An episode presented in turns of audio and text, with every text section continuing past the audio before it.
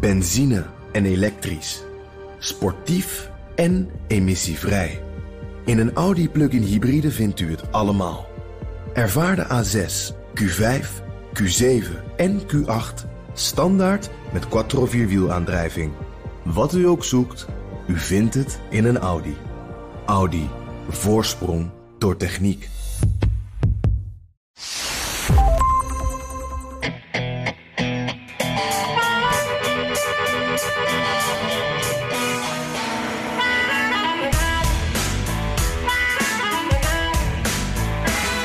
Donald Trump wel vaker wit heet. Maar zo kwaad als hij nu op Twitter is, en dan bedoel ik dus het bedrijf Twitter, zien we hem eigenlijk zelden. De techreus had de euvele moed onder een tweet van Trump een waarschuwing te plaatsen met een fact-check.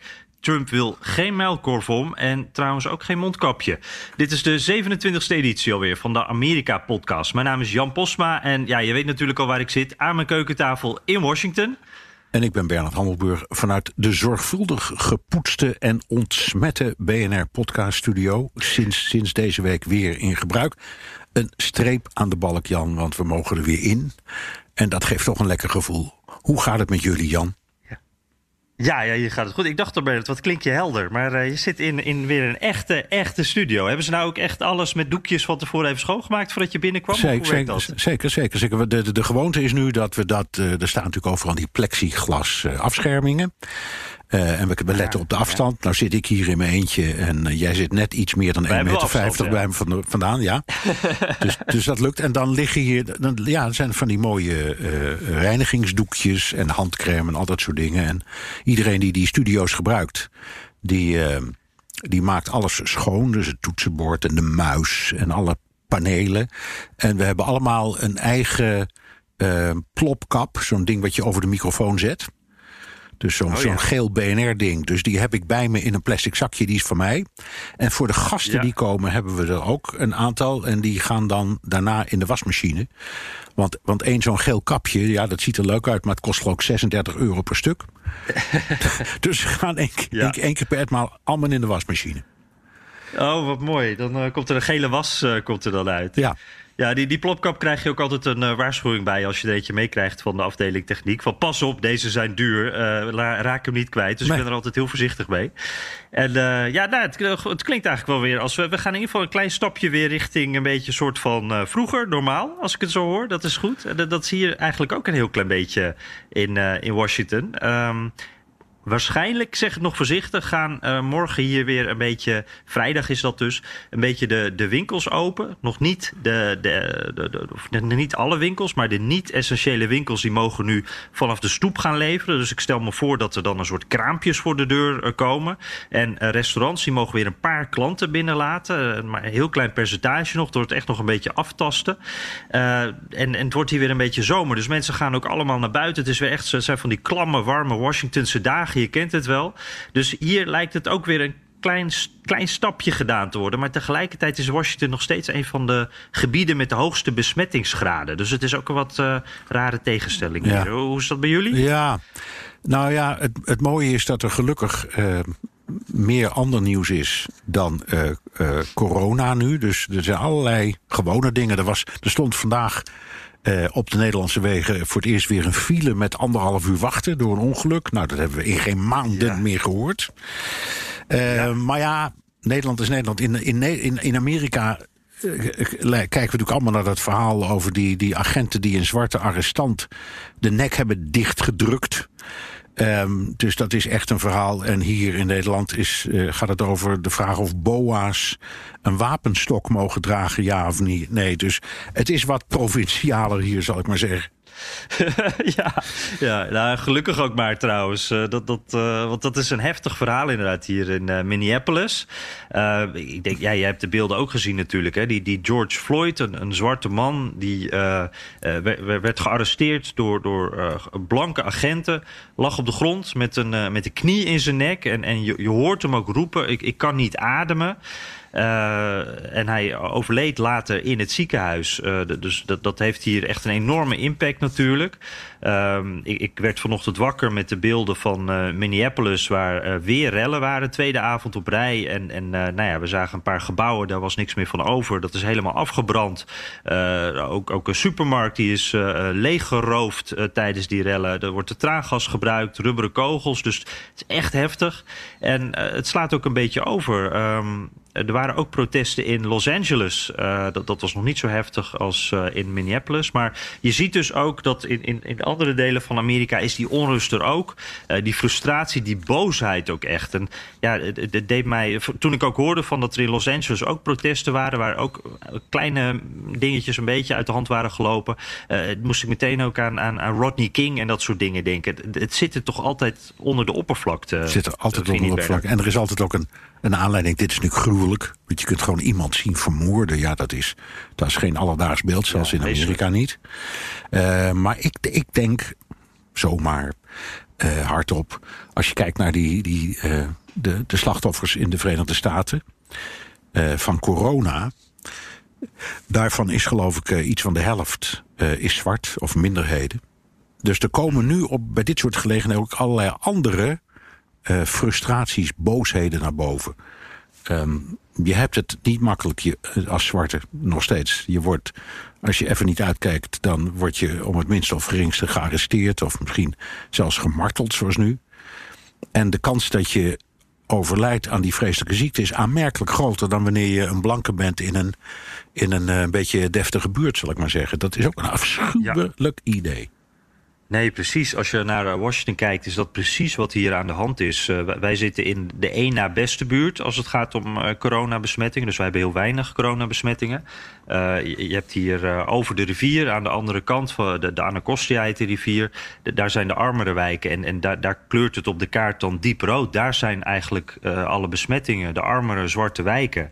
En, en wat je zegt, je wordt, ze worden eigenlijk aan alle kanten geraakt. Ook, ook als het gaat om werklozen. Er, zijn hier uh, eh, 40 miljoen werklozen natuurlijk. En, en dat zijn ook, uh, dat, dat is inmiddels in alle lagen van de bevolking. Maar de, de eerste die dat merkten waren wel de minderheden en de zwarte Amerikanen die de banen hadden. Nou ja, bij de McDonald's, in, in de beveiliging. Allemaal dingen met mensen. en en die, die waren als eerste hun baan kwijt. En waren ook de mensen die, die het meeste risico liepen. Dus ja, het, het komt allemaal samen. Ja, ja. En dan inmiddels ja, toch een magische grens, hè? 100.000.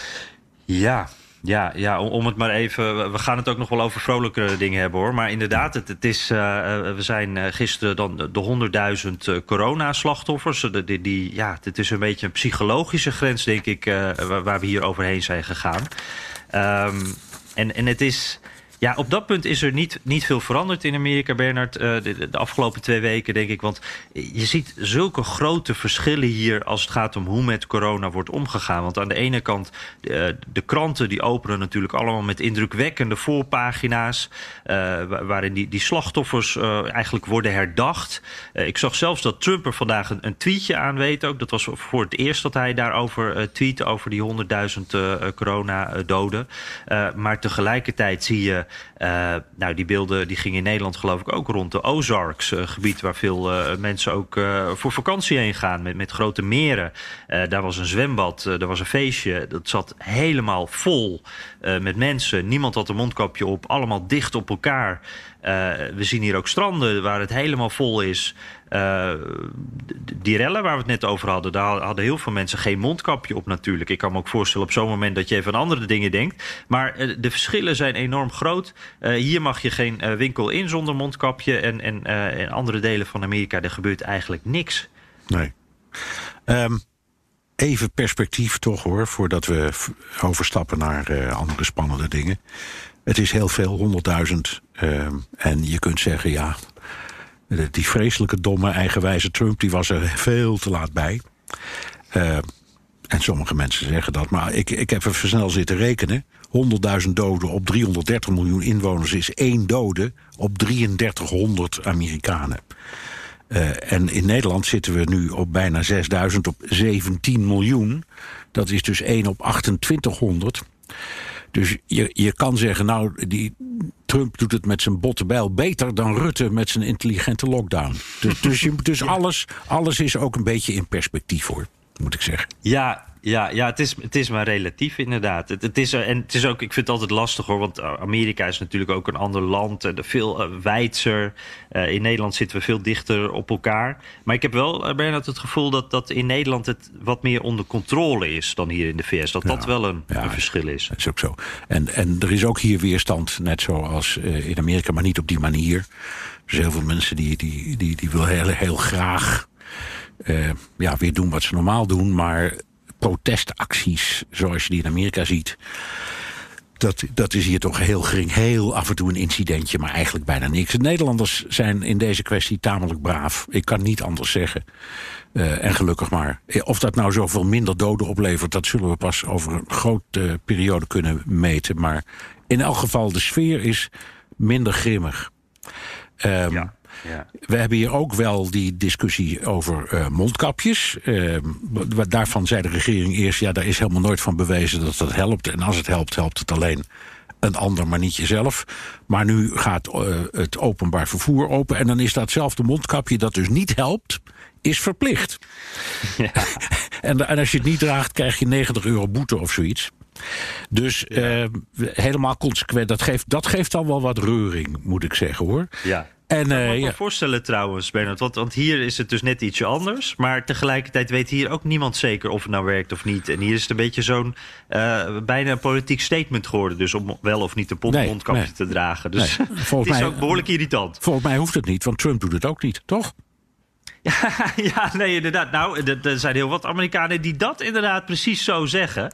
En aan de andere kant is ook wel grappig hier in het wat linksere Washington. Word je er dan juist op aangekeken als je niet een mondkapje aan hebt uh, of over je mond draagt. Dan ben je soms ja. zelfs op aangesproken. Ja, ja, ja, maar wat is er aan de hand met die Trump? Waarom, waarom doet hij zo koppig?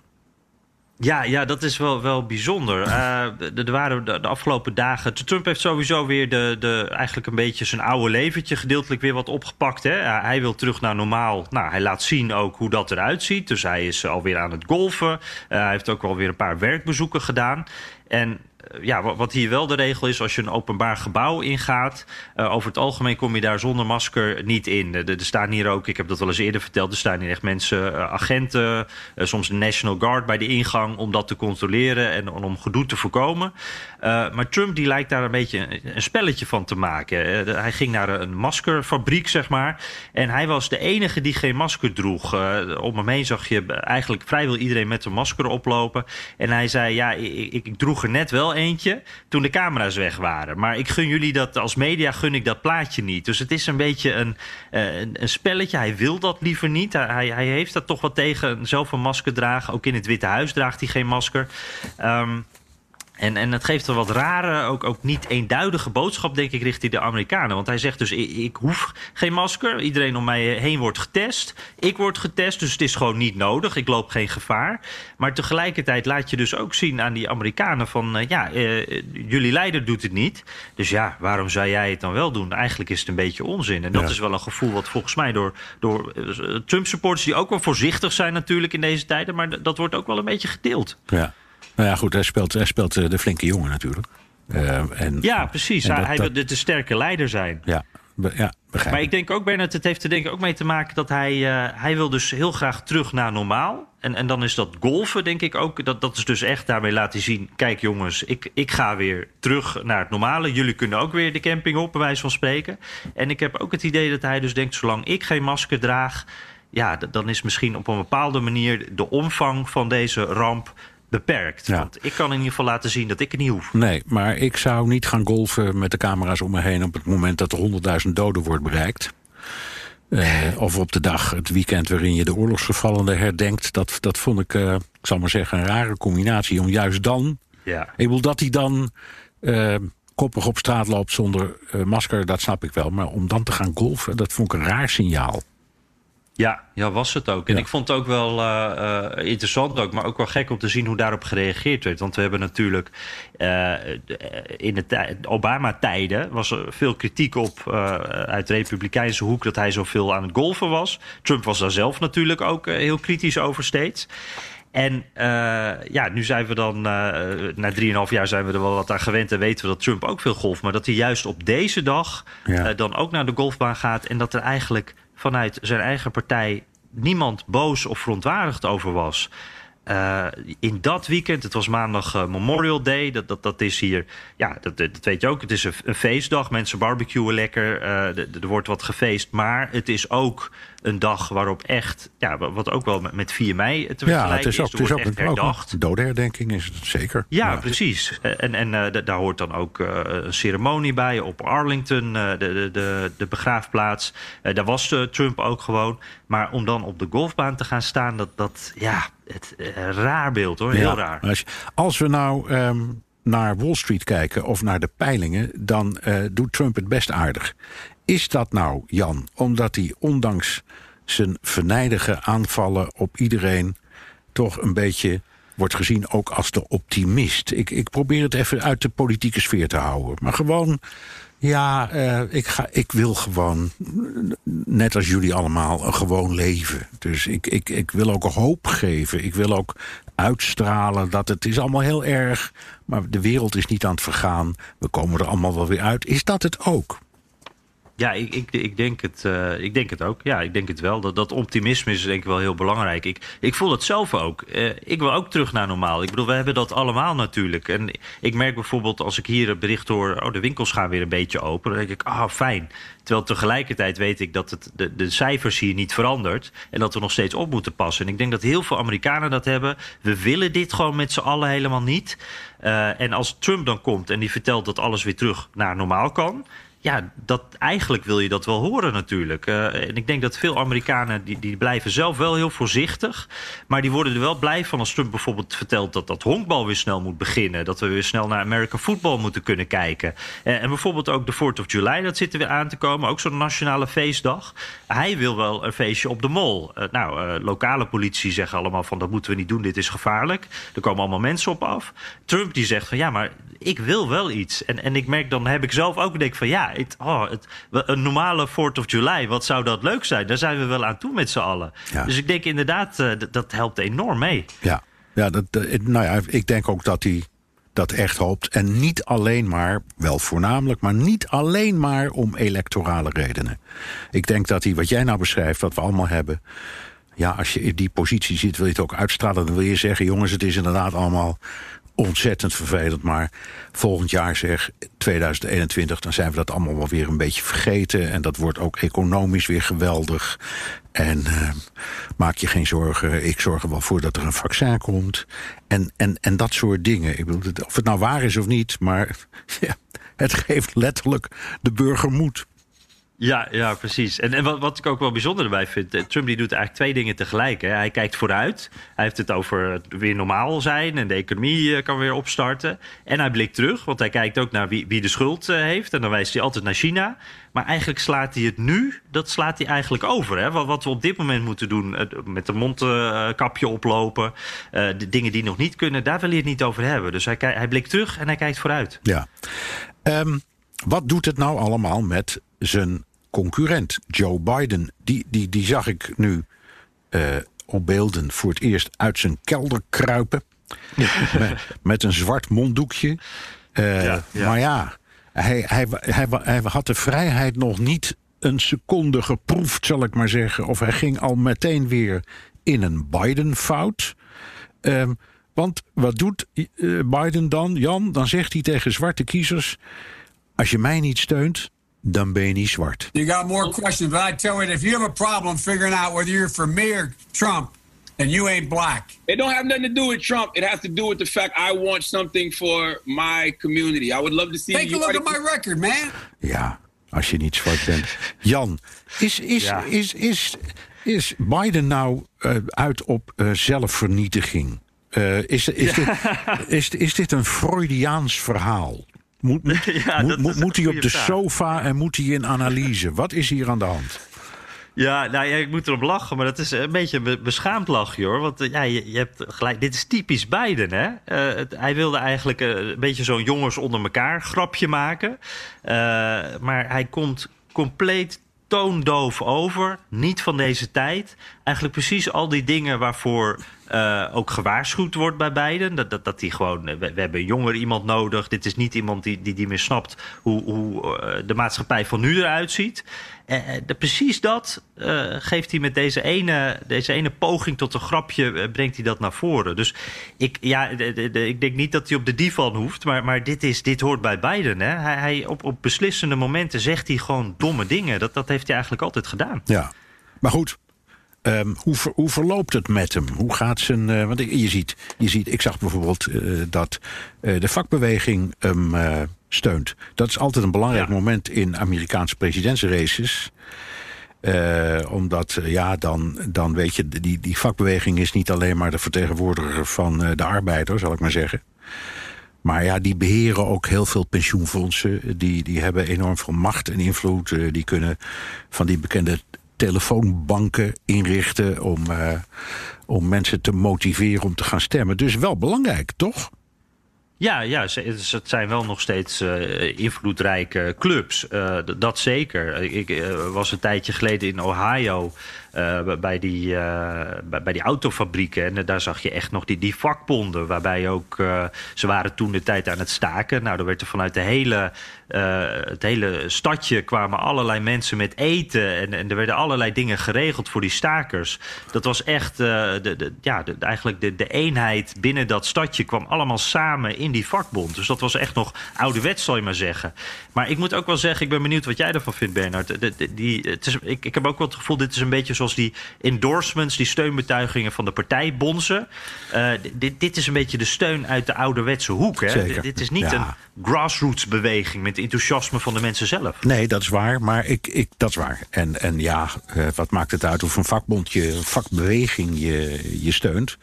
Uh, aan de andere kant, uh, er waren in, in de strijd vier jaar geleden ook vakbonden die Trump steunden. En dat heeft hem wel degelijk geholpen. En het is niet alleen het idee van de gewone man of vrouw die ziet wat in deze kandidaat. Het is ook hun hun, ja, ik zeg, hun machtspositie. Ze, tijdens verkiezingen gaan ze de straten door om arme mensen met een busje op te halen. En dan krijgen ze een broodje en een kop koffie om naar het stemhokje te gaan. Dus ze, ze kunnen heel veel motiveren, activeren.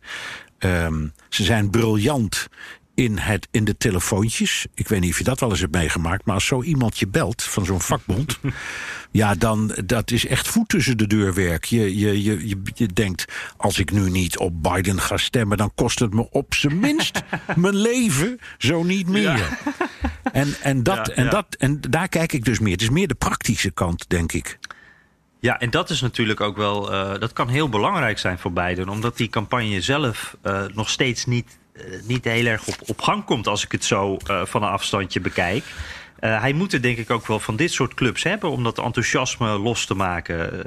denk je niet? Ik denk dat hij dit harder nodig heeft dan bijvoorbeeld een Trump, die echt een soort ja. ja campagnemachine heeft staan. Ja, dat is ook zo. En die heeft natuurlijk in diezelfde groep mensen, de gewone man en vrouw, heeft hij al enorm veel steun. Uh, dus die, ik denk ook dat hij niet ik denk dat hij er niet zo verschrikkelijk van wakker ligt. Maar het is meer andersom. Ik denk dat het voor de Democraten, wat jij zegt. Uh, Biden is geen goede campagnevoerder. Hij pakt er niet veel van. En als dan zo'n organisatie je komt steunen, ja, dat helpt. Dat heb je hard nodig. Um, ja. ja. ja. Um, even, even iets. Ja, dat heeft waarschijnlijk. Alles heeft natuurlijk met verkiezingen te maken. En uiteindelijk uh, ook met de geloofwaardigheid van uh, Trump, zoals hij zichzelf ziet. Uh, ik, ik snap dat Trump er alles aan doet om ongeveer iedere tegenstander, dat zal nu dan ook van de vakbond uh, gaan uh, gelden, weg te zetten als uh, anti-Amerikaanse socialisten, politieke saboteurs, dieven, debielen, moordenaars. Ga zo maar door. Moordenaars. We hadden het er eerder over. Ehm, in de vorige podcast ook al. En we hebben het er in BNR De Wereld ook al even over gehad. Trump zet een oud politicus en tv-presentator Joe Scarborough als moordenaar weg. Dat, dat moet je nog een keer uitleggen. Ja, ja dat, dat blijft wel echt een bizar verhaal. En, en uh, dat verhaal wordt eigenlijk precies zoals Trump wil ook uh, in de loop van tijd groter. Dankzij Trump zelf ook. Uh, die Joe Scarborough, dat, dat was vroeger een, een politicus, een republikein. Uh, nu werkt hij voor uh, MSNBC. Hè. Hij heeft daar een, uh, een, best goed bekeken ochtendshow. En had ook trouwens eerst goede banden met Trump. Want dat moeten we niet vergeten. In het verleden kwam Trump daar graag telefonisch in de uitzending. En dat was eigenlijk allemaal heel gezellig en leuk. Maar dat is een beetje, of heel erg omgeslagen. En nu zijn ze gebrouilleerd. Um, maar die, die Scarborough, toen hij nog een politicus was, toen was er een stagiair met een hartprobleem. Die, die, die, ja, die viel door haar hartprobleem. dus ze viel flauw, ze viel neer, kwam verkeerd neer en ze was dood. Nou, een tragisch verhaal, jonge vrouw. Um, uh, maar ook, ook een, ja, iets wat kan gebeuren, zullen we maar zeggen. Uh, Trump die heeft uh, in de verloop van tijd heeft hij meerdere tweets gestuurd waarin hij altijd speculeert van, nou, hoe kan dit nou? Dit is een raar verhaal. wat heeft Joe Scarborough hiermee te maken? trouwens, die Scarborough die was op dat moment in Washington, dus op dat punt zou je zeggen die heeft er niks mee te maken. maar Trump die blijft speculeren, heeft, hij, heeft hij hier iets gedaan wat niet mag? Is dit misschien moord? het wordt gezegd dat daar iets niet klopt. Waarom, uh, ja, waarom horen we hier niet meer over? Waarom komt hier geen onderzoek naar? Uh, nou, waarom doet Trump dit nu? Uh, Rush Limbaugh, de, de reus van de, de conservatieve talk radio... Hè, hij kreeg ook een medaille van Trump bij de laatste State of the Union... die had wel een hele mooie theorie. die zegt het volgende. Do you think Trump cares whether Scarborough murdered anybody or not? No, of course he doesn't care. So why is he tweeting it? Well, because it's out there. He didn't make it up. It's long been out there that this death has something suspicious about it. So Trump is just throwing gasoline on a fire here. And he's having fun watching the flames. And he's having fun watching these holier than thou leftist journalists react like their moral sensibilities have been forever rocked. Ja. Wat is dat toch een dus fenomenale man, hè? die, die uh, Rush. Altijd, ja. ja. hij is ook de, uit, de uitvinder van dit format. Hij was de eerste die dit, dit, dit deed. En wat is die goed, jongen, jongen, jongen. Maar ik vind die twee dingen wel heel mooi aan. Want hij, hij legt ten eerste uit hoe Trump het doet. En dat klopt ook inderdaad. Dat, dat valt toch iedereen ook wel op, denk ik. Dat Trump die tweet steeds van... er wordt gezegd dat. Dus het is nooit dat hij zelf uh, Scarborough ergens van beschuldigt. En daar is Trump natuurlijk uh, heel slim in. Die, heeft veel met advocaten gewerkt. Die heeft zelf ook veel rechtszaken gemaakt, meegemaakt. Die zorgt dat hij zelf niet gepakt kan worden. En wat ik ook wel heel interessant vond... want waar, waarom doet Trump dit dan? Limbo die zegt dus om die moralistische linkse journalisten boos te maken, nog bozer te maken. Uh, eigenlijk doet hij het dus om een beetje te pesten en, en een beetje het vuurtje op te laten wakkeren. En dat, dat vond ik wel een hele interessante. Wat, wat, hoe kijk jij daar ja, ik denk, Nou ja, ik denk dat hij, uh, dat hij gelijk heeft. En, en kijk maar eens, het werkt. De verontwaardiging ja. is enorm. Um, en dat is, ik denk dat, uh, dat Limbo daar helemaal uh, gelijk in heeft. Hoe, hoe, hoe bozer de traditionele linkse pers, zo, want zo zien zij dat worden, hoe beter het ze uitkomt. Want dat versterkt. Maar wat denk jij, Bernard? Hij, hij, sorry, hij, hij zegt namelijk, uh, of ja, inderdaad, die verontwaardiging die is er. Ja? Maar die verontwaardiging die is, en die boosheid is ook wel terecht, toch? Als je iemand van moord uh, beschuldigt en je hebt daar geen bewijs nou, voor. Sterker nog, uh, ik, denk, ik denk dat als ik jou van moord zou beschuldigen, of ik, daar, hoe ik het dan ook formuleer, dat jij onmiddellijk aangifte ging doen. ja, precies. Serieus? Ja. Ja, dat, dat is wel iets wat mij verbaast hoor. Want je ziet dus ja, reacties. Je ziet de weduwnaar van die mevrouw. Ja. die heeft zelfs die smeekt, aan. stop ermee. Stop ermee. Die heeft zelfs de, de baas van Twitter, Jack Dorsey, gevraagd: kun je hier nou niet iets aan doen? Dit moet ophouden. Um, en Dorsey heeft dat overigens uh, geweigerd. Andere familieleden, vrienden, kennissen, iedereen die er maar iets mee te maken heeft. Omdat het is natuurlijk niet niks. En het, het bezoedelt ook de nagedachtenis uh, van, die meneer, van die mevrouw Klasjoetis. Op die, op die manier wil je niet over een overledene praten. Dus ja. Ja, maar wat denk jij nou? Want um, uh, vanuit de Republikeinse Partij wordt, er zijn er ook mensen heel kritisch die zeggen van uh, ja, maar wacht even, dit schaadt ook ons. Dit is ook niet goed voor ons. Um, Trump die heeft hier natuurlijk als geen andere neus voor. Krijgt eigenlijk altijd gelijk met dit soort dingen. Als hij de boel eventjes op scherp zet, werkt het eigenlijk altijd in zijn eigen voordeel. Denk je dat hij hier nou ook gewoon gelijk heeft? Dat hij zijn achterban natuurlijk eventjes uh, uh, wakker wil schudden. Uh, en, en, dat hij er zelf geen schade van ondervindt? Of denk je dat dit toch wel aan Trump ook kleeft? Um, ik, ik, denk dat het geen schade oplevert. Hoe vreselijk ik het ook vind om het te zeggen. Want nogmaals, het gaat mij niet om de politieke kant, maar om het idee dat je zo spreekt over iemand die is overleden. en de familie daarvan. Dat, ik vind dat een vreselijk idee. Maar ik denk dat hij het niet alleen mee wegkomt, maar dat het hem inderdaad helpt. En ik moet denken, Jan, um, in, in het hele grijze verleden werkte ik. Uh, voor de AVRO-televisie. En mijn chef was toen Jaap van Meekeren. Die uh, presenteerde uh, het programma uh, AVRO's Televisier. Dat was een actualiteitenrubriek. En die had een hele mooie. Die zei, als ik in een live-uitzending voor de camera mijn broek laat zakken... krijg ik ontzettend veel kijkers. En als ik s'morgens dat in de Telegraaf aankondig... krijg ik nog meer kijkers. En dat is mij altijd bijgebleven. Dus je kunt altijd denken, de methode doet er niet toe. Ik wil aandacht. Die aandacht gebruik ik vervolgens voor mijn politieke boodschap. En nu doet hij dat via een verzonnen moord. En morgen doet hij het via een monddoekje.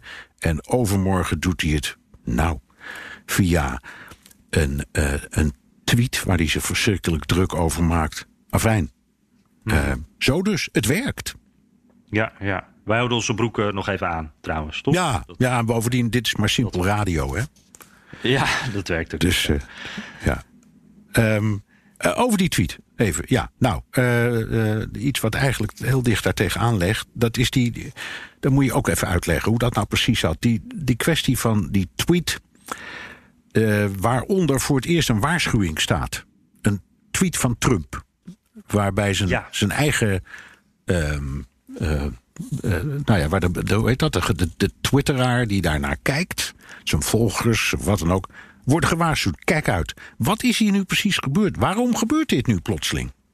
Ja, ja, ja, dat is inderdaad ook zo plotseling inderdaad. Dat is wel een, een goeie, want Trump heeft natuurlijk uh, in het verleden wel vaker uh, dingen getweet die niet klopten, die ook aanwijsbaar niet klopten. Maar daar is eigenlijk nooit wat uh, aan gedaan door, door Twitter. Die, die, ja, die, die, als gebruiker sta je ook vrij om te tweeten wat je wilt tot op zekere hoogte. Maar daar komen we zo nog wel even op. in dit geval dus tweette Trump over het stemmen per post. En Trump die zegt al vanaf het begin, dat moeten we niet op grote schaal gaan doen in Amerika, want dat gaat voor enorme fraude zorgen. Dat zorgt namelijk al voor fraude. Nou, dat zijn democraten het niet mee eens. Die zeggen van wij willen zoveel mogelijk mensen tijdens deze coronacrisis ook naar de stembus krijgen. Dus wij willen wel stemmen per post mogelijk maken. En kijk, militairen doen het al, verschillende staten doen het al. Dus dit kan prima. Nou, Trump die heeft daar dus een heel sterk standpunt bij. Die zegt, dit is gewoon te fraudegevoelig. Dat gebeurt al, dat is gevaarlijk. Alleen is daar niet uh, duidelijk bewijs voor. En uh, Twitter heeft daar dus een, ja, een klein knopje onder die tweets gezet. Uh, waarbij je eigenlijk klik hier voor meer informatie. en als je daar dan op klikt, dan kom je op een paar nieuwsartikelen. waarop je inderdaad wat meer context krijgt bij of er sprake is van fraude. en waar dat dan is. Maar nou ja, goed, het zijn dus vooral berichten die die tweet van Trump eigenlijk omkrachten. Dus het is een, een fact-check eigenlijk die je erbij krijgt. Ja. En dat maar, vind ik ook wel. ja. ja, maar even, de, even voordat je. Um, hij beschuldigt Scarborough ervan een vrouw te hebben vermoord. Via Twitter. Daar staat ja. geen fact-check waarschuwing bij. Dat vind ik heel wat erger dan uh, de waarschuwende vinger opheffen dat uh, stemmen per post fraudegevoelig is. En daar komt dan wel een waarschuwing bij. Dus ik snap het nog steeds niet. Nee, nee ik, ik, dat ben ik met je eens. Dat, dat is iets heel raars. Dat is, want dat, uh, uh, ja, het Scarborough-verhaal, daar kan je inderdaad heel duidelijk. Uh, daar is gewoon helemaal helemaal niks van waar. Uh, daar weten we helemaal. Er is geen enkele aanwijzing. En daar lijden mensen op dit moment al gigantisch onder. En, en, en zo zijn er natuurlijk wel meer tweets geweest. Dus dat is heel raar. Ik denk dat Twitter een, een overweging heeft gemaakt van wat is het algemene belang. Uh, de verkiezingen komen er natuurlijk aan. Uh, na 2016 zijn die social media bedrijven, eigenlijk iedereen in Amerika, maar vooral die social media bedrijven, zijn heel gevoelig op ja, berichten die, die invloed kunnen hebben op die verkiezingen. Uh, dus daar zijn ze. Ik, ik, denk dat ze het algemeen belang daarin hebben mee willen laten tellen. Dat ze hebben gedacht bij Twitter van wacht even. Uh, dit is iets wat op, met die verkiezingen invloed zou kunnen hebben. Ik denk ook wel trouwens dat het een soort. Um, ja uh, zo, zo, soort, dat, dat het een beetje op elkaar gestapeld is uiteindelijk. Dat Twitter op een bepaald moment. Ze stonden onder grote druk om iets te doen. En dat ze hiervoor gekozen hebben. En wat ik ook wel daarbij trouwens vind. Want je kan ook zeggen van op het moment dat zo'n uh, de president dan te ver gaat met zijn tweets. dan kan je er ook voor kiezen om die tweet weg te halen. Ja. Uh, zij hebben het ook steeds over censuur in het Witte Huis. Ja. Maar ja, ze hebben er eigenlijk gewoon een klein knopje bijgezet. Uh, pas ook veel later, toen iedereen die tweet al lang en breed gelezen had natuurlijk. Dus het, het ja, wat dit nou, het is ook iets symbolisch uiteindelijk. Ja, ja, goed. Twitter denkt natuurlijk ook. Die man heeft 80 miljoen volgelingen. Ik geloof dat ik het goed zeg. Ja, klopt. En dat, ja. dat betekent dat daar, ja, voor Twitter is het natuurlijk een mega klant. Dus, uh, dus je, ja. je, moet ook even een beetje uitkijken. Niettemin, Trump meteen um, in actie. Uh, dus die, die, ging tekeer, uh, schakelde al zijn medewerkers in om de boodschap uit te dragen dat dit censuur was. En uh, een overwinning voor links en ga zo maar door. En, ehm, zei hij, ik ga de sociale media blokkeren. Dat vond ja. ik al wat. Nou, jij bent een ja. sociale mediaman. ja. Dus, dus, jij weet hier alles van. maar, ja, en hij, hij, zei, hij, hij zei ook ik kom met een uh, uh, executive action. Hè? Ik ga een decreet, kom ik mee. dat komt, ja, als wij dit opnemen. Ik kijk even naar de televisie. dat is er nog niet. Het komt ergens vandaag waarschijnlijk. We weten nog niet precies wat dat is. Maar waarschijnlijk, of daar wordt op gespeculeerd, want niemand weet het natuurlijk. Maar er wordt gedacht dat hij met iets gaat komen. waardoor. Um, de social media bedrijven, Facebook, Twitter, uh, Google ook, uh, de techreuzen zeg maar, dat die ja, via de rechtbank makkelijker kunnen worden aangepakt op wat er gepost wordt op hun podia, op hun fora. Uh, dat, daar wordt nu aan gedacht. Nou ja, goed, als je dit luistert, dan, dan is het misschien al gebeurd en weet je dat het misschien iets heel anders is geworden. Uh, maar uh, dat is in ieder geval wat nu gezegd wordt. En Trump gaat inderdaad frontaal in de aanval. En met hem ook veel Republikeinen. En dat heeft er ook mee te maken dat onder conservatieve Amerikanen al een hele tijd een, een, gevoel van onvrede leeft over die, die social media. Omdat zij het gevoel hebben dat, dat, uh, dat ja, het conservatieve geluid daar eigenlijk onderdrukt wordt. En dat is iets ja, wel interessant, want dat zie je in Nederland ook dat dat uh, gezegd wordt. mensen die denken dat volgers ja, verdwijnen. mensen die zeggen dat hun, hun berichtjes niet te zien zijn voor iedereen ik moet eerlijk zeggen, ik heb daar zelf uh, nog nooit iets van gezien of gemerkt. Uh, maar daar is grote boosheid over. Dus het zou best wel eens kunnen dat het die kant dus ook meer opgaat. Ja, het roept trouwens een hele interessante vraag op. Schreef uh, uh, Associated Press in, vond ik een erg goed verhaal. Want het roept de vraag op: zijn Twitter en Facebook en noem ze allemaal op nou platforms? Of zijn ze eigenlijk uitgeverijen? Want als dat zo is, dan zouden de regels veel strenger moeten. En dan, ja. dan is er misschien voor dat decreet zelfs wat te zeggen. En je zou ook nog kunnen zeggen: ja, uh, maar dat is niet alleen in het voordeel van conservatief, maar ook van progressief, als zo'n decreet er komt. Ja, ja, nee, dat zou je inderdaad. Dit is, een, ik vind, dit is echt een, een hele lastige natuurlijk. Want het, het gaat erom: ben je een, een platform of, of een uitgever? En ik denk dat bijvoorbeeld, nou, laten we Facebookers als voorbeeld nemen. Uh, ik vind dat meer uh, een platform. Ik bepaal wat daar geschreven wordt. Uh, er wordt alleen wat als gebruiker dus. Facebook verwijdert dat als ik over hun regels heen ga. Het, het, is een particulier bedrijf, zij mogen dat. Maar het is niet zo dat zij als een soort eindredacteur die je zinnen aanpast of die misschien je boodschap aanpast, bepalen wat jij plaatst. Dus ik, ik, ja, ik, ik zou het meer die, die kant op redeneren. En, ja. en, ik vind dan een fact-check eigenlijk nog. Dit vind ik heel bescheiden daarbij. Ja. Uh, het is natuurlijk een grote symbolische stap. Dat, dat is natuurlijk heel belangrijk. Maar verder vind ik ja, het nog best een bescheiden stap. Hoe zie jij dat? Ja, nee, ik ben het ermee eens. Maar bovendien, eh, je kent mijn opvatting over de asociale media. ik, ben ja. er, ik, ben er, ik ben er sowieso niet weg van. Omdat ik inderdaad, ik vind. Ik begrijp best het nut en ik weet, ik, ik, ik, je moet de tijd niet willen terugdrukken. Maar het, het riool is opengezet. Mm. Dus iedereen en alles kan maar op, op die platforms. En er is niets wat daar tegen waarschuwt. En dan ja, af en toe voor de goede vorm komt zo'n techreus als Facebook die zegt af en toe halen we er wel eens wat af. Maar dat is hem dan. Het meeste komt er gewoon allemaal op. En ik heb daar moeite mee. En even, hoe uh, zijn jouw stappen op uh, social media vlak geweest? Heb je bijvoorbeeld wel eens op Twitter gekeken? Heb je wel eens op Facebook? Of zeg je gewoon... Even, nee, nee dat wil zeggen... Nou, nee, in alle eerlijkheid. BNR De Wereld heeft een Twitter-account. Ja. Um, en dat is dus gekoppeld uh, aan, aan uh, Boekenstein en de Wijk. En aan BNR De Wereld. En soms nog wat... Geloof ik, hè? Wat zeg je? Ook aan ons volgens en, mij. En ook aan ons, dat wou ik ja. zeggen. En aan Amerika-podcast. Dus reacties zie ik dan wel. Want de, de, de, dat kanaal, dat, dat, dat bekijk ik wel eens. Uh, en voor de rest heb ik inderdaad geen enkel sociaal medium. Ik, ben, uh, ik leef nog in het stenen tijdperk, Jan. Dat is wel lekker rustig natuurlijk. Ja. Mag, mag ik je nog één, één dingetje vragen? Want daar ben ik toch wel benieuwd naar hoe jij er tegenaan kijkt. We gaan uh, richting die verkiezingen. we weten dat social media daar een grote rol in spelen. Ook dat dat niet altijd een vrije rol is. Dat dat soms uh, nou ja, tot, tot, tot, tot misinformatie leidt. Of dat nou, waar dat ook vandaan komt. We hebben ook een president waarvan we weten dat hij vaak dingen tweet die niet kloppen. Um, zie jij daar wel een, een, een oplossing in? Moet daar iets gebeuren? Ik zie dat namelijk niet. Ik Nee. zou niet weten wat daar de oplossing voor is. Ik ook niet. Um, het, ik zou het ook niet weten. Kijk, de, de, dit is een weggetje hè, met die ene tweet waarin de gebruiker wordt gezegd: kijk even uit, uh, check even of je dit verhaal wel wil geloven of niet. Maar we laten het verder aan de gebruiker over. Je kunt zeggen, het is een vorm van censuur. Maar dan zou je moeten zeggen: ja, dat doen wij bijvoorbeeld, ik noem maar wat, hè, bij alle politici en hun reacties. Links mm-hmm. en rechts. Daar kan ik ja. me wel wat voor voorstellen. Want ja, wij kunnen Trump wel van allerlei leugens uh, beschuldigen. Maar in de politiek kunnen ze er in de wereld wat. Uh, er zijn er ook anderen die daar verstand van hebben, zou ik maar zeggen. Hmm. En die gebruiken dat medium ook.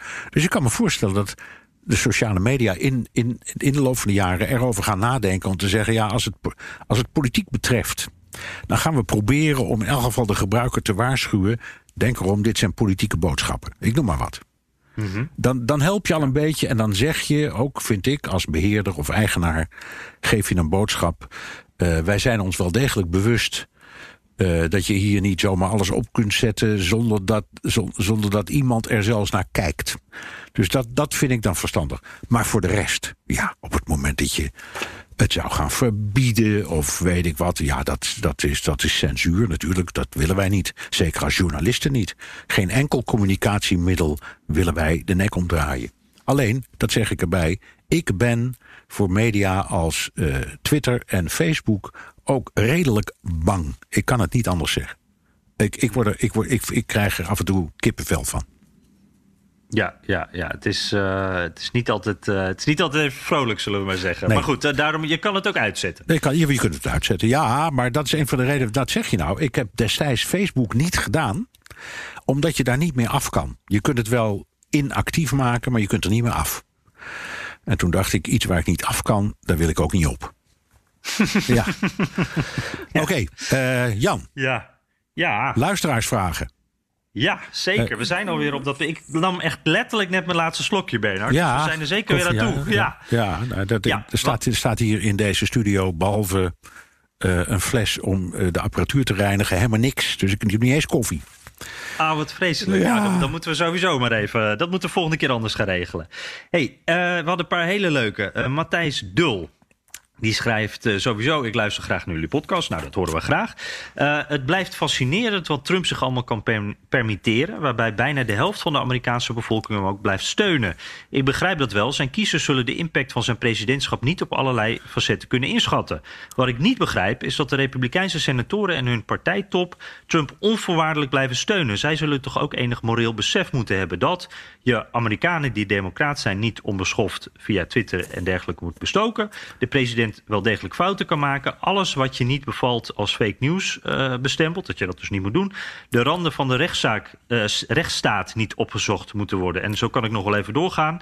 Um, de Republikeinse partijtop zal toch zien dat Amerika zich vervreemdt van de wereld en de kloof uh, in hun bevolking alleen maar groter wordt. Ik ben verbaasd over hun kortzichtigheid. Denkt men niet na over hun verantwoordelijkheid nu en hoe zij na het tijdperk Trump verder moeten?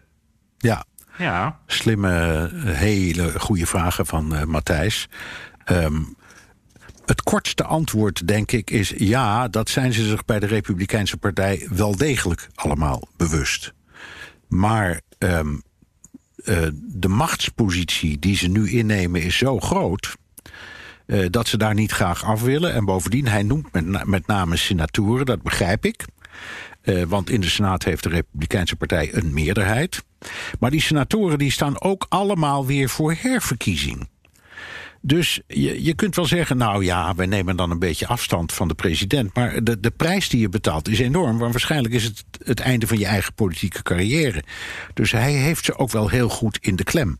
En wat betreft zijn gedrag, daar hebben ze, geloof ik, collectief een soort besluit over genomen. Dat hebben ze eerst een tijdje aangezien. En toen gezegd, ja, dat is eh, af en toe verwerpelijk. En wij kunnen er zelf ook, krijgen er af en toe ook wel eens de rillingen van. Maar uiteindelijk brengt het ons wel heel veel. Eh, die partij is duidelijk, heeft duidelijk een lijn gekregen. Die had hij daarvoor niet zo duidelijk. Ehm, Daar eh, kunnen we ons eh, best in vinden. En er zijn belangrijke flanken, zoals de evangelische flank, die groot en sterk en krachtig is. En door dik en dun de man steunt. De boeren, die echt ook wel voor een heel groot deel deze taal en de toon en de inzet waarderen. Ehm, en een heel groot deel van ja, de witte, niet zo goed opgeleide Amerikaan. die graag in grote stadions bijeenkomt met te dikke buiken en tatoeages en een rood petje op. En dat zijn er heel veel. Ja. En dat begrijpt de partij. En de partij denkt dus. eh, als je dit bekijkt gewoon als, ik zal maar zeggen, marketingmodel. dan is het goed voor ons. Ja, het werkt. Ze winnen erbij. En, en daarmee is denk ik de Republikeinse Partij ook eh, wel omgevormd echt tot Trumps partij. En, en behalve de vorm Ja. liggen die dingen niet meer zo ver buiten. Nee, eh, en in elk geval zolang die er is. Want dat is ook iets. Hij is er eh, nou, nog, eh, nog een paar maanden of misschien nog ruim vier jaar. Maar in elk geval, op een bepaald moment is hij weer weg. En dan komt er een ander. En dan krijgt die partij ook een ander karakter. Ja, en dan pas weten we echt welke Ja. kant dat eh, uitgaat. Eh, Jasper van Veen eh, luistert graag vanuit zijn hangmat in de tuin. Nou, dat klinkt wel goed, moet ik zeggen. Eh, twee vragen. Hoe groot is de echte aanhang van Trump en Biden? En hoe groot is de groep zwevende kiezers? Eh, vraag 2. Hoe lopen de lijnen van deze kiezers? Eh, dus dat gaat vooral een beetje hoe de samenstelling is Ja. eigenlijk. Wat voor Ja. bevolkingsgroepen dat Ja. zijn. Ja. Nou ja, jij, jij mag, ik kan ook eerst. Mijn indruk is dat die aanhang nog altijd zo rond de 40% is, vast. Dat is gewoon die groep waar we het net over hadden. Ehm, en dan heb je groepen waarvan we het niet helemaal zeker weten. Ehm, eh, de, vooral vrouwen in de voorsteden, die zijn een beetje afgeknapt op hem. Eh, maar eh, ook ehm, groepen in ehm, hele rijke gedeelte, gedeelte van Amerika die dwepen met hem om maar één reden, namelijk dat hij tegen regels is. De rest vinden ze niet interessant. Mensen zijn helemaal niet geïnteresseerd in politiek, maar die man is, die, die wil regeltjes afschaffen. Dus dat wanneer je als bedrijf een gebouw wilt neerzetten, dat je niet 871 vergunningen nodig hebt. En daar is Trump helemaal van. En heel veel kiezers ook. Moet je niet onderschatten, want het is een grote en machtige groep. En die heeft dan ook verstrengelingen in Wall Street en noem het allemaal maar op. Eh, en de rest, ik, de rest, ja, dat zijn dus de minderheden. 13% zwart, 17% Latino. Dat is bij elkaar al een derde van het electoraat. Daar zet Biden enorm op in. Kan hij die binnenhalen? Kan hij dat vermeerderen met nog andere groepen? Dat is nu de grote vraag. Ja, en, en ik, die, die swing voter waar hij ook naar vraagt, dat, dat vind ik wel een interessante. Dat, je ziet namelijk grote verschillen in hoe groot de- die groep wordt ingeschat. Je ziet eh, eh, pijlers die zeggen 6% is een swing voter. Je ziet ook die zeggen 30% is een swing voter. Je- Het lijkt dat die groep steeds een beetje kleiner wordt, omdat nou, Amerika natuurlijk gepolariseerd is.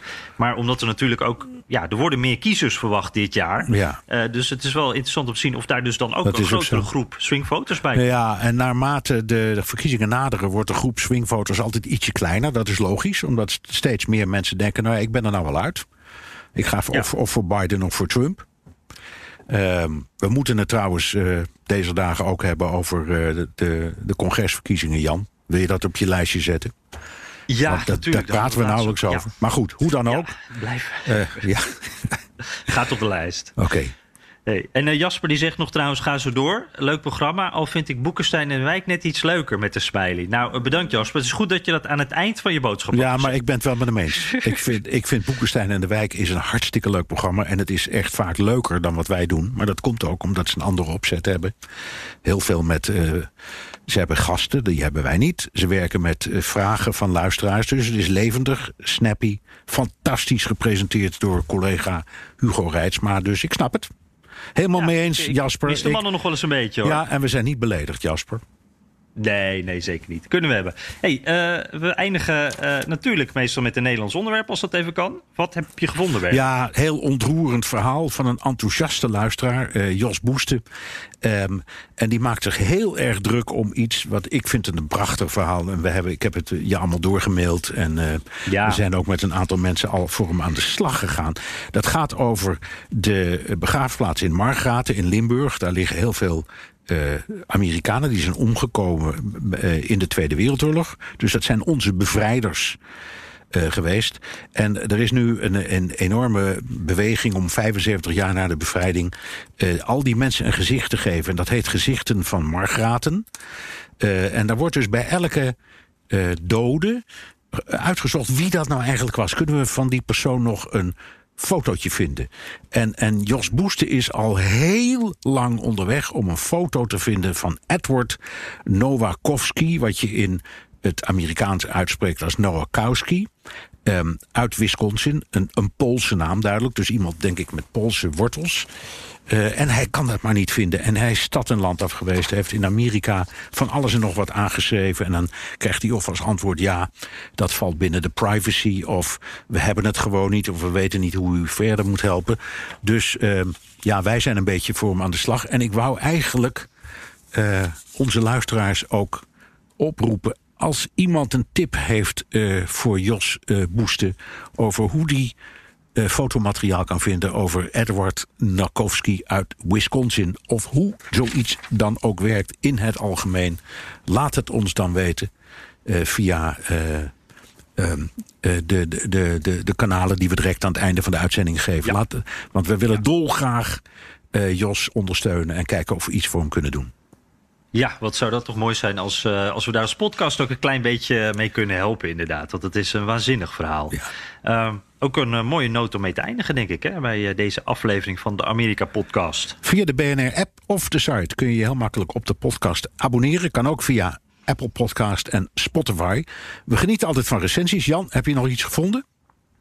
Ja, even kijken hoor. Eh, Bas Koetsier die maakt ons attent op een YouTube-filmpje van Neil Webers, een Nederlandse ondernemer in Philadelphia, die heel goed een aantal verschillen tussen Amerika en Nederland laat zien. Die zetten we eh, de, link daarvan op de BNR-website. dank voor de eh, tip, Bas. Eh was een leuk filmpje trouwens, eh, waar je ook nog wat van Philadelphia in te zien krijgt. Dus eh, wel een aanrader. Eh, Jarko de Borst, heren, eh, bij deze gewoon even een bedankje voor jullie mooie programma's. De Wereld en de Amerika-podcast. Ik luister het momenteel tijdens het thuiswerken, maar ook vaak in de auto. Ik denk dus nu wat meer eh, eh, thuis dan Ja. in de auto. Ja. Dat eh, doen we nou allemaal. Dank Jarko. En Erik Lanshoff die geeft vijf sterren. Altijd meer dan genoeg te vertellen over het land dat nog altijd de toon van de wereldpolitiek bepaalt. Of op zijn minst sterk beïnvloedt. Ik vind wel dat gebeurtenissen nog vaker in historisch perspectief geplaatst mogen worden. Vooral omdat we nu misschien wel op een keerpunt in de geschiedenis staan. Maar fijne podcast. Ah, daar ben ik het wel mee eens. Ik ook. Dat, dat is ook leuk namelijk. Dat is altijd interessant. Ja. Ja, en het is ook daarom belangrijk, omdat, omdat we vaak, dat thema, daar hebben we het ook vaak over, Jan. Ehm, is dit nu zoiets geks? Is dit nu nooit eerder gebeurd? Is er nooit een gekkere president geweest dan nu? Of, of, of dat soort dingen. En als je door de geschiedenis kijkt, dan, dan zie je dat je dat heel makkelijk kunt relativeren. En dat het allemaal ook allemaal wel meevalt. Dus ik vind het een hele goede vraag. En ik, ehm, ik zie het als de uitdaging. Zeker. Oké, terugluisteren kan via de app, de BNR-site, Apple Podcast of Spotify. Heb je vragen, opmerkingen, kritiek of complimenten? Daar komt hij. Ik zei net, dat gaan we er nog even laten horen. Dat kan dan ook met een tweet naar Jan Postma USA of BNR De Wereld. Of heel ouderwe- ouderwets eh, een mailtje naar dewereld.bnr.nl. Ja, en laat ook even weten of je luistert eh, in de hangmat of thuis of in de auto. Vind het altijd leuk. En laat ik nog even zeggen, het gaat heel lekker met die recensies. Uh, dus uh, we gaan al voorzichtig richting de 100. we hadden nu even niet genoeg tijd om ze allemaal te doen. Maar de volgende hoor je de volgende keer. Dus tot dan.